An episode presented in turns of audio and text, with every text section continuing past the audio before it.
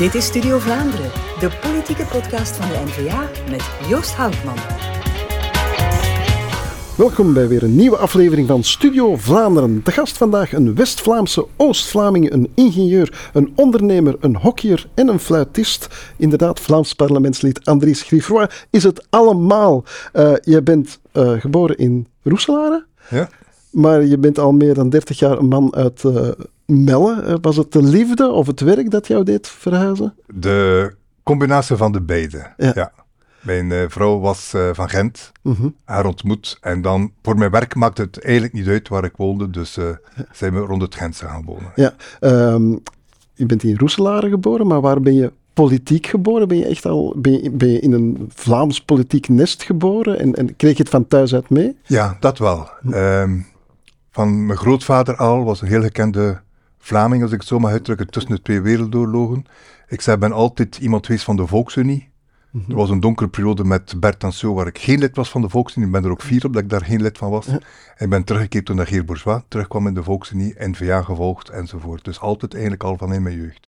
Je zal bij de volgende verkiezingen tien jaar in het eh, Vlaams parlement gezeten te hebben. Eh, ik ga- neem je eventjes mee terug naar eh, de start als, als Vlaams parlementslid. Ja, ik kwam daar binnen als, in het Vlaams parlement als ondernemer, maar van dat slag lopen er eigenlijk niet zoveel rond hè, in het parlement. Nee, en het was ook voor een stuk uit, eh, uit het idealisme, omdat ik eh, vond en vind ook dat eh, Vlaanderen moet zich meer kunnen baseren op zijn eigen sterktes. En wat zijn onze sterktes? Dat is het ondernemerschap. En ik vond inderdaad ook dat in politiek ondernemerschap veel te weinig aanwezig was. In het denken, in het uitvaardigen van decreten of wetten, eh, vond ik dat er te weinig aandacht was voor ondernemers. En natuurlijk, het mag nu ook niet te veel zijn, ik ben daarmee akkoord, want de maatschappij bestaat uit Ja. meer dan alleen maar ondernemers. Ja, het gaat over de slinger moet niet... Maar het gaat over die slinger, waar moet die juist gepositioneerd zijn? Dus ik vond wel dat er terecht meer aandacht mocht zijn voor hen. En dat gaat dan over allerlei kleinere zaken die moeten gebeuren. Dat gaat over een ondernemersvriendelijk klimaat creëren. Ja. Het niet meer moeten, want we kwamen toen uit een periode dat ehm, een ondernemer zijn bijna beschamend was. We werden met de vinger gewezen, want Mm. Ja. Mm. u bent een ondernemer, dus u bent bij voorkeur of bij voorbaat malafide. Ja. En dat moest daaruit. Het gaat ook over allerlei dingen die je wilt vereenvoudigen, zodat het ondernemerschap inderdaad kan ehm, aangetrokken worden. En dat is belangrijk, want we zijn een open economie, of je dat nu graag hebt of niet, maar we zijn het wel. En dus moet het ondernemerschap centraal Ja, staan. ja, blijf dus die ondernemersbril eigenlijk ophouden en zo naar, naar de politiek eh, Ja. kijken. Ehm, als, als Vlaams parlementslid ben je vooral bezig met energie, met, met klimaat.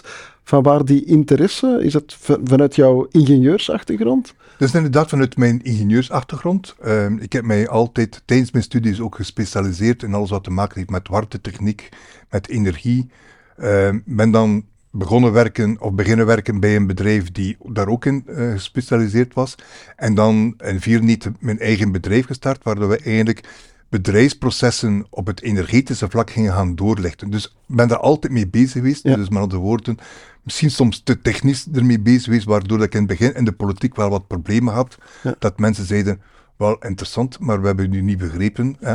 Ehm, dus ik heb daar moeten wel wat aan werken om Ja. het meer in verstaanbare taal te brengen. Ja, maar dat neemt niet weg dat je vandaag is energie eigenlijk niet, misschien niet het thema, maar toch een van de grote eh, thema's. Ja, dat je daar echt wel in beslagen bent. Het is een gigantische eh, uitdaging. En we zitten in een periode van een transitie weg van die fossiele eh, brandstoffen richting meer hernieuwbare energiebronnen. Maar zo eenvoudig is die transitie eigenlijk niet. Hè? Nee, dat is helemaal niet eenvoudig, omdat ehm, het is een gigantisch raderwerk. En als je aan een stukje van het raderwerk komt, dan raak je aan iets anders. En dus als je bijvoorbeeld wilt weggaan van het fossiele, dan ga je automatisch zien dat bepaalde zaken duurder worden, dus minder betaalbaar voor de mensen. Maar als je de, de, de, de transit maakt van fossiel naar bijvoorbeeld hernieuwbaar, dan heb ik zeldzame metalen nodig. En die zeldzame metalen die komen dan ook weer van minder stabiele regio's buiten Europa. En dus maak ik mij weer afhankelijk van. En dus we gaan van de ene afhankelijkheid naar de andere afhankelijkheid. En dat maakt het ook zo moeilijk. En mijn credo is daar ook altijd geweest, al in, van in het begin, al van voor ik in de politiek zat, is dat we gewoon moeten kijken hoe dat we het met minder kunnen doen, maar toch met hetzelfde comfort en met hetzelfde eindresultaat. Ja, dan spreek je eigenlijk over efficiëntie vooral, de nadruk op efficiëntie. Efficiëntie, en dat is dan zowel de efficiëntie in de woning of in het gebouw, maar het gaat ook over de efficiëntie van hoeveel materiaal ik nodig heb om iets te kunnen maken. Dat gaat ook over efficiëntie, hoe ik bijvoorbeeld een nieuwe wagen kan produceren die minder verbruikt omdat hij aerodynamischer is. Dat gaat ook over efficiëntie, hoe dat ik materiaal kan herbruiken. Dat noemen we dan circulaire economie.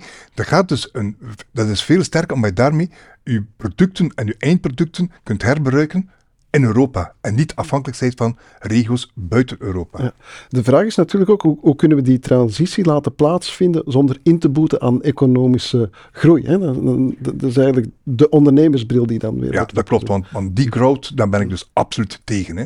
Ehm, dat is natuurlijk de oplossing dat de Groenen voorstellen. Als we wat bedrijven sluiten, dan komen er wel naar klimaatdoelstellingen. Dat kan dus absoluut niet de bedoeling zijn, want je hebt juist die economie nodig, want dat brengt de inkomsten voor de staat. Mhm. En met die inkomsten dat de staat dan heeft, als die dan goed besteden, kan ik ook inderdaad zorgen voor sociale zekerheid, voor de, voor de medische kant en voor het onderwijs enzovoort enzovoort. Dus je hebt dat ook nodig. Maar dus goed dat je dat moet doen, is om inderdaad te gaan zorgen dat je je geheel van efficiëntie, die dan vertaalt in innovatie, dat die gaat gaan ondersteunen op een verstandige manier. Ondersteunen is niet enkel maar over het geven van centjes, maar is ook over te maken dat er een kader is. Dat die mensen in een, laten we zeggen, een, een veilige omgeving, veilig tussen aanhalingstekens, kunnen werken, zichzelf kunnen ontwikkelen en zo dan hun eindproducten gaan vermarkten. Ja, zou je jezelf als een eco-realist uh, omschrijven? Of, of, wat moeten we eigenlijk verstaan onder die term? Want die valt wel geregeld. Die valt wel geregeld. Een eco-realist is eigenlijk iemand die zegt, oké, die doelstellingen die gesteld worden om het klimaat neutraal te worden, en of het dan 2050 is, of 2055 of 2060, dat maakt dan niet meer het verschil. Maar we willen inderdaad streven naar een klimaatneutraliteit. Dat gaan we doen niet door aan degrowth te denken, maar dat gaan we doen door aan innovatie en aan nieuwe technologieën. Mhm. En voor mij is altijd het, geloof in die technologieën. Uh, bijvoorbeeld als we spreken over het nucleaire park, wel, daar heb je bijvoorbeeld het Mira-project. In de Kempen, waar, dat is een vierde generatie van ontwikkeling, waarbij dat men eigenlijk de brandstofstaven die daar liggen, opgebruikt zijn, een beetje chemisch en fysisch gaan bewerken, mm zodat ze opnieuw kunnen gebruiken als een nieuwe brandstofstaaf in een nieuwe type van reactor. Maar dat noem ik technologie, omdat ik daarvan circulair materiaal ga herbruiken en waardoor dat ik brandstofvoorraad heb voor voldoende decennia lang voor opnieuw elektriciteit te kunnen produceren. Maar innovatie, dat gaat ook over hoe je dus bijvoorbeeld ziet hoe dat bepaalde producten nu gemaakt worden met veel minder product, maar toch met eenzelfde eindresultaat of een beter eindresultaat. Dat gaat ook over artificiële intelligentie. Dat gaat, dat gaat gigantisch ver.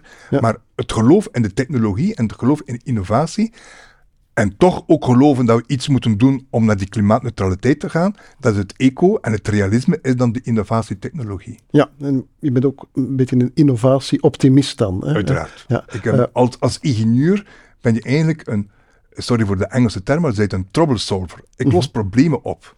Ik ga geen nieuwe problemen gaan creëren. Ik ga gaan kijken welke problemen er zijn en ga die proberen op te lossen met innovatie en technologie. Ja, en wat doet de Vlaamse regering eigenlijk in, in, in, in die context? Hoe ondersteunt u die innovatie? Wij zij ondersteunen dat op, uh, op, een, op een verstandige manier. Dat is eigenlijk al begonnen met uh, Philip Muiters. We hebben onder andere de speerpuntclusters waarbij dat men bedrijven samenbrengt rond een bepaald thema. Je hebt bijvoorbeeld zo de blauwe cluster, dat is alles wat te maken heeft met energie uh, op zee, uh, getijden enzovoort. Je hebt ook bijvoorbeeld een energiecluster, de Flux 50. Je hebt dan bijvoorbeeld een cluster rond chemie, je hebt een cluster rond Flanders Make. Je hebt, een, hebt zo verschillende clusters en die dus eigenlijk in het innovatieve gedeelte gaan, gaan samenwerken.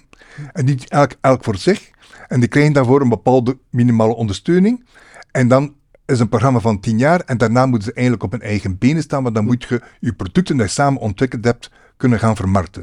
Ik vind het een heel mooie uh, initiatief geweest toen van Philip Muiters, dat is nog altijd volop lopende, om daarmee ook bedrijven verplicht van niet enkel maar naar zichzelf te kijken, maar daardoor ook verplicht van samen te werken met universiteiten, met onderzoeksinstellingen, met de bedrijven en met de overheid. En creëren zo een, een, platform om uh, nieuwe dingen te gaan creëren. Ja, als we nu een paar bestuursniveaus stijgen, komt Europa in zicht. Ja, het is een beetje de, de, de olifant in de kamer, eh, zou ik zeggen. Want het lijkt wel op het kinderverhaal van rupsje nooit genoeg. Hè. Er wordt, de, de ene doelstelling is nog niet gehaald, hè, of de lat wordt weer al hoger gelegd. Ja, het, het, is niet ambitieus, het is een beetje onverzadigbaar ambitieus wat, wat Europa wil. Dat botst toch met, met onze, ons optimisme op den duur. Het lijkt wel of het nooit genoeg is. Om eerlijk te zijn, ik heb een gigantisch probleem met Europa. Mhm. Je moet eens proberen uit te leggen dat we op drie jaar tijd van een doelstelling van min 35% minder uitstoot gaan naar min 55% minder uitstoot. Zonder impactanalyse, zonder ook maar te gaan kijken of het kan of niet kan. En zeer van bovenuit, zoals Ja. men dat noemt in het Engels, top-down. Ja. Wij zullen zeggen wat u moet doen. Ik heb ooit in een debat met Frans Timmermans, Mhm. die ondertussen in zijn eigen campagne veel gematigder was of wat toen het de eurocommissaris was. Ja. Ja, die is snel verveld. Hè? Die is snel ja, ver, vervuild, inderdaad. Ehm, heb ik hem nog voor de voeten geworpen dat ik zeg, ja, u moet gaan kijken wat er onderaan gebeurt. En laat hen meebeslissen in uw eindbeslissing. Waarop het hij zei, nee, nee, ik bepaal hier de regel en u voert uit. En dat is een kapitale fout. Vlaanderen is een platland. Met heel veel industrie. Met een dichte bevolking. En weet je, wij hebben niet dezelfde mogelijkheden. Of moest ik bijvoorbeeld in Oostenrijk wonen, Ja. waar ik bergen heb, Mhm. waar ik waterkrachtcentrales kan bouwen, waar ik heel veel groen heb, waar ik minder industrie heb. Als je het dan hier niet leuk vindt, dan mocht u ook altijd van mij naar Oostenrijk gaan. Maar ik heb hier andere opportuniteiten. Ja. Ik kan hier bijvoorbeeld veel meer werken rond CO2-opvang. Mhm. Ik kan die veel meer werken rond waterstof. Ik kan die veel meer werken rond industrialisatie en de efficiëntie in de industrialisatie. En dus dat bewijst juist dat iedere regio verschillend is. En als je er niet voor zorgt dat de regio die verschillend is op een andere manier zijn targets, zijn doelstelling kan invullen, dan, dan, dan mocht je verplichten van bovenuit wat dat je wilt, maar het zal niet lukken. Ja. En dus denken, er is oorlog en dus ik ga hem dan maar een beetje verstrengen. En let op, als je het Europees parlement laat doen, ze proberen zelfs nu te gaan naar min 65 En dan zeg je, weet je, dat parlement is zelfs niet eens bevoegd voor zijn eigen budget en begroting. Dan is het gemakkelijk. Beeld je in dat je thuis niet bevoegd bent voor het geld die moet binnenkomen. Ja. Je mag uitgeven wat je wil. Je mag de doelstelling bepalen wat je wil. Wel, ik denk, the sky is the limit. Natuurlijk. En dus dat realisme zit er bij hen absoluut niet in. Die zitten daar in een bubbel en die denken niet na wat dat er op de grond gebeurt. En mochten ze meer luisteren naar regio's, zoals Vlaanderen, zoals Brussel, zoals Wallonië, elk met zijn eigen geplogendheid, met zijn eigen ehm, positieve zaken, met zijn eigen negatieve zaken, maar elk met zijn eigen eigenheid, met zijn eigen DNA. Maar evengoed grote steden zoals in Sevilla, 2 miljoen inwoners, mochten daar meer naar luisteren de Europese Commissie, en luisteren wat dat zij nodig hebben, en daarop hun beleid op afstemmen, dan denk ik dat we al een heel stapje verder Ja, zijn. om het in hockeytermen te zeggen, ze slaan de bal mis eigenlijk. ja. Meer Dat is luisteren. altijd pijnlijk als je de bal mislaat. Ja, ja, ja, dat valt op. Eh, maar ehm, we spraken over het innovatie-optimisme. eigenlijk een beetje als een moral duty van, van, de, van de ingenieur. Maar toch tegelijkertijd is er ook heel veel negativisme. Je hoort eh, de klimaat, rond klimaat, er hangt zo een doemerig sfeertje eh, rond. Hè. Het, lijkt soms wel of de apocalyps in, in de lucht hangt. Ja, dat is is juist. jammer En eigenlijk. Dat is heel jammer en dat vind ik ook een totale foute ingesteldheid. Anderzijds, het is niet omdat wij kritisch zijn en eco-realist zijn, dat wij daarvoor een klimaatontkender zijn. Dat wil ik ook wel heel duidelijk zeggen. We zijn geen klimaatontkenners. Wij zijn voor de vooruitgang en je moet er iets aan doen. En je moet het doen op een verstandige manier, zodat ook de mensen mee zijn en de mensen mee zijn omdat het nog betaalbaar is. Wat dat de groenen doen, is juist het omgekeerde. Die hangen inderdaad het apocalyptisch beeld op. En dan hebben ze de beelden van de bosbranden, en dan hebben ze de beelden van de overstromingen, zoals in West-Vlaanderen. Maar ik ben van West-Vlaanderen, toen ik kind was, hebben we dat ook meegemaakt. Ja. En toen spraken we niet van een klimaatramp. Ja. Nu in West-Vlaanderen zijn er 25 huizen, boerderijen ondergelopen en heel veel schade aan de landbouw.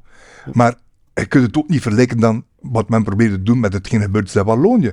Dus men moet stoppen met dus inderdaad dat apocalyptisch beeld op te hangen En, maar we moeten ook stoppen met ons te verwijten dat we klimaatontkenners zijn, want dat zijn we absoluut niet. Ja, dat maakt dus dat we... Ik, ik hoor hier een zeer geëngageerd uh, politicus. Uh, wil hij er dan in 2024 weer vol tegenaan gaan uh, en op deze thema's blijven verder Op deze thema's wil ik verder blijven gaan. Ik heb ondertussen inderdaad bijna tien jaar de ervaring in het parlement. Ik weet dus ook hoe dat de radertjes werken, ja. hoe je daar heel snel iets kunt in beweging krijgen.